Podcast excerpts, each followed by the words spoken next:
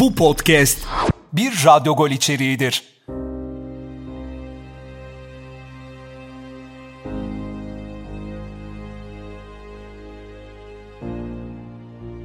Merhabalar.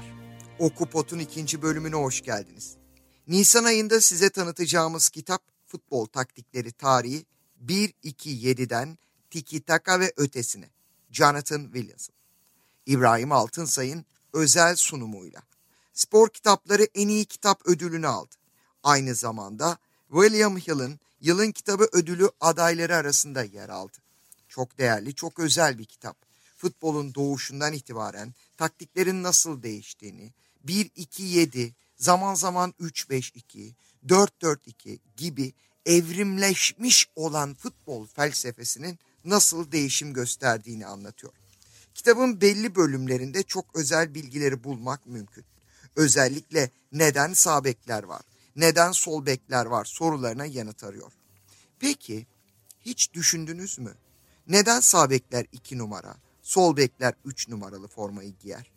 Sağ açıklar 7 numaradır da sol açıklar 11 numaradır.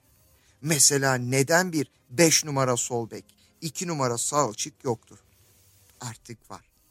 Ama geçmişte birden 11'e kadar rakamlarla futbolcular değerlendirildiğinde işte bu sayılar bir anlamda o oyuncuların yerlerini de belirliyordu. Hatırlayın Beşiktaş'ın 1960 şampiyon kadrosu. Ezberlemiştik değil mi?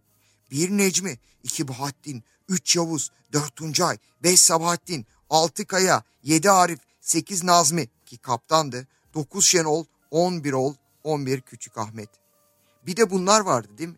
Küçük Ahmet, Büyük Ahmet. Sonra bunlar evrildi. Sedat 1 oldu, Sedat 2 oldu, Sedat 3 oldu. Rahmetli Kazım Kanat, nur içerisinde yatsın. Futbolcuların bir soyadı olduğunu hatırlattı hepimize. Ve sonuç itibariyle bizler futbolcuların soyadlarını kullanmaya zannediyorum 1995'in ikinci çeyreğinden sonra başladık. Çok değerli bu kitapta tüm bu noktaların altı çiziliyor. Maçlar hep devrimcidir deniliyor. Örneğin 2. Dünya Savaşı'ndan sonra FA yani İngiltere Futbol Federasyonu'nun futbolcuların birden 11'e kadar numaralı forma giymelerini beklerin 2 ve 3, hafların 4, 5, 6, forvetlerin de 7, 8, 9, 10, 11 numaralı formalarla ve dolayısıyla 2, 3, 5 dizilişiyle sahada yer almalarını zorunlu kıldığını öğreniyoruz kitaptan. 4 ve 5 numaralı hafların orta alandan savunma içine çeken Macaristan, Wembley'de İngiltere 6-2 bozguna uğrattığında bazı yorumcuların yenilginin sebebini ciddi ciddi Macarların hile yapıp futbolcuların sırtlarındaki numaralardan farklı yerlerde oynadığını söylemesi hepimizi çok şaşırtıyor. Bugün 99 numaralı futbolcular, 77 numaralı futbolcular, hatta 55 numaralı futbolcular görüyoruz. Tarih yazıcılarının düşebileceği bir tehlike daha var. O da taktik olmasa da olur. Yeter ki kavramı. Futbol taktikleri konusunda Jonathan Wilson'a da benzer eleştiriler yöneltilmiş olmalı ki kitabın ikinci baskısının ön sözünde pek çok kişinin beni taktik köktencisi olarak nitelemesine bakılırsa yinelemekte yarar var. Taktiğin bir takımın futbolunu belirleyen tek şey ve her zaman bir maçın gidişatına etki eden en önemli faktör olduğuna inanmıyorum diyor ve ekliyor. Daha ziyade birçok faktörden belki biraz ihmal edilmiş biri durumunda devam ediyor. Bunun yanı sıra taktiklerin diğer faktörlerden ayrı tutulabileceğine de inanmıyorum. Kısacası her şey birbiriyle bağlantılıdır diyor. Kitabın derinliklerine daldığınızda görelilik ya da izafiyet futbolundan bahsetmek mümkün. Mesela Barcelona'nın Şampiyonlar Ligi'nde Paris Saint Germain'i 6-1 ile geçtiği unutulmaz maçın son golü öncesinde Barça kalecisi Ter Stegen orta sahada pres yaparak top kapmış. Ona yapılan faulün ardından Barcelona gole kavuşmuştu. Belki yakın gelecekte kalecilerin duruma göre orta saha, duruma göre forvet rolü üstlenmelerini kanıksayabiliriz. Olur mu? Ne dersiniz?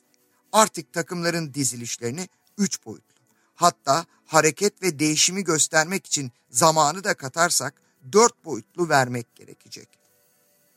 Sarmalın ucuysa açık. Tarih sağdan sola bir çizgi halinde ilerlemiyor. Onun adı kronoloji.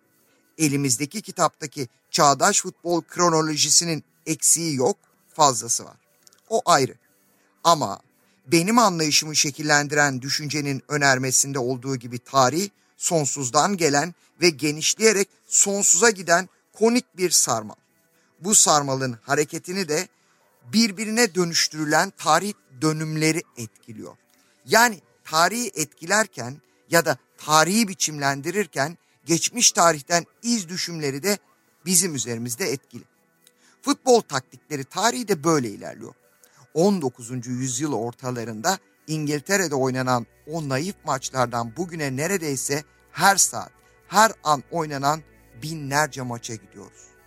O kadar çok maç oynanıyor ki artık takip etmekte siz de zorlanıyor musunuz? Hatta IPTV'lerin çıkışı ve buna bağlı olarak pek çok ülkenin kanalını seyredebilme becerisi bir anlamda akıllı televizyonlara yüklenince hatta bilgisayarlara aynı anda 3 maç, 4 maç seyrettiğiniz olmuyor mu? Cep telefonunda bir maç, iPad'inizde bir maç, bilgisayarınızda bir maç ve televizyonunuzda bir diğer maç. Peki gerçekten hepsinden bir taktik deha yaklaşımı alabiliyor musunuz? Örneğin bugün Juventus'un Chelsea'nin oynadığı üçlü savunma WM sistemindeki dizilişe benzeyebiliyor ama bu sadece biçimsel bir benzeyiş.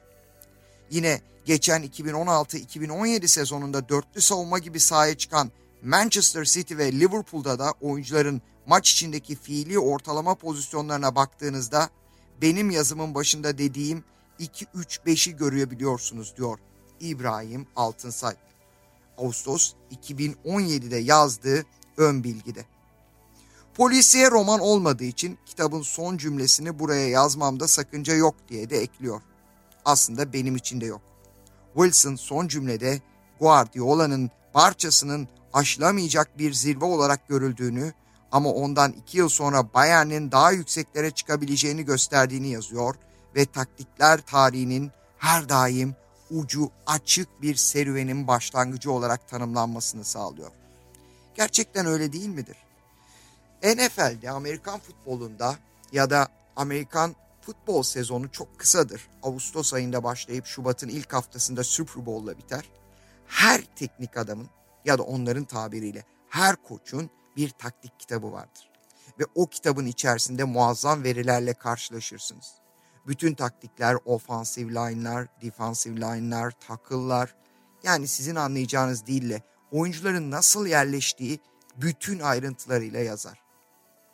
Endler ne yapacaktır? Ya da tackle'lar ya da running back'ler nasıl bir davranış gösterecektir? Artık futbolda da bu evrimleşmeyi yaşıyoruz. Artık yakın gelecekte pek çok teknik adamın bir kendine ait kitabı, defteri olacak diye düşünüyorum.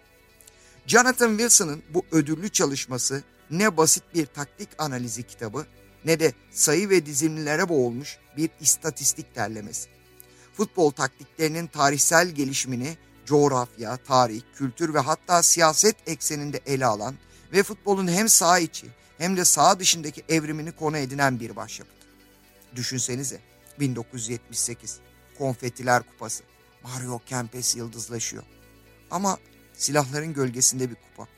Johan Cruyff o yüzden ben burada oynamam diyor.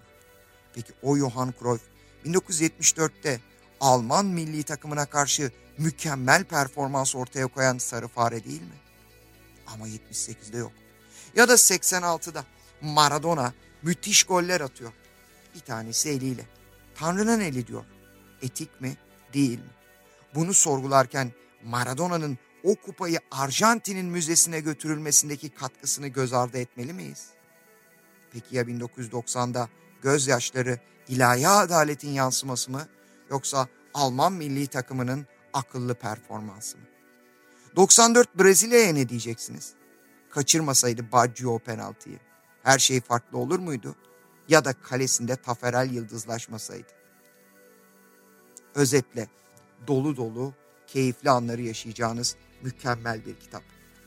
Güney Amerikalıların sömürgücülere karşı kendi becerilerini nasıl kabul ettirdiğinden, Avrupa'nın bireysel beceriyi takım düzenine göre uyarlamasına, 5 forvetli dönemden merkez golcü yapıya, İskoçların pas oyununu dünyaya nasıl tanıttığına kadar pek çok süreç bu kitapta gözler önüne seriliyor. Taktiklerin tarihiyle ilgili onlarca soru yanıtını buluyor. Futbol taktikleri tarihi futbol izleme, yorumlama, kurgulama, hatta oynatma seyrinizi değiştirebilir. Oyunun kavramsal evreniyle olan mesafenizi yeniden düzenler. Kim bilir belki bir de siz oyunun içine kendinizi dahil etmeye çalışırsınız. Anlamakla başlamak, futbolu daha iyi yorumlamanın ilk hamlesi olsa gerek. Ne diyorlar? Güzel gole onlar, golazo. O zaman haydi bu kitabın golazo eksenine dalalım. Gelecek hafta, pardon pardon, gelecek ay yeni bir heyecanda birlikte olmak ümidiyle. Okudukça bilimin ve ilimin sizi nasıl şekillendirdiğini daha da iyi göreceksiniz. Unutmayın, tek gerçek bilim ve ilimdir.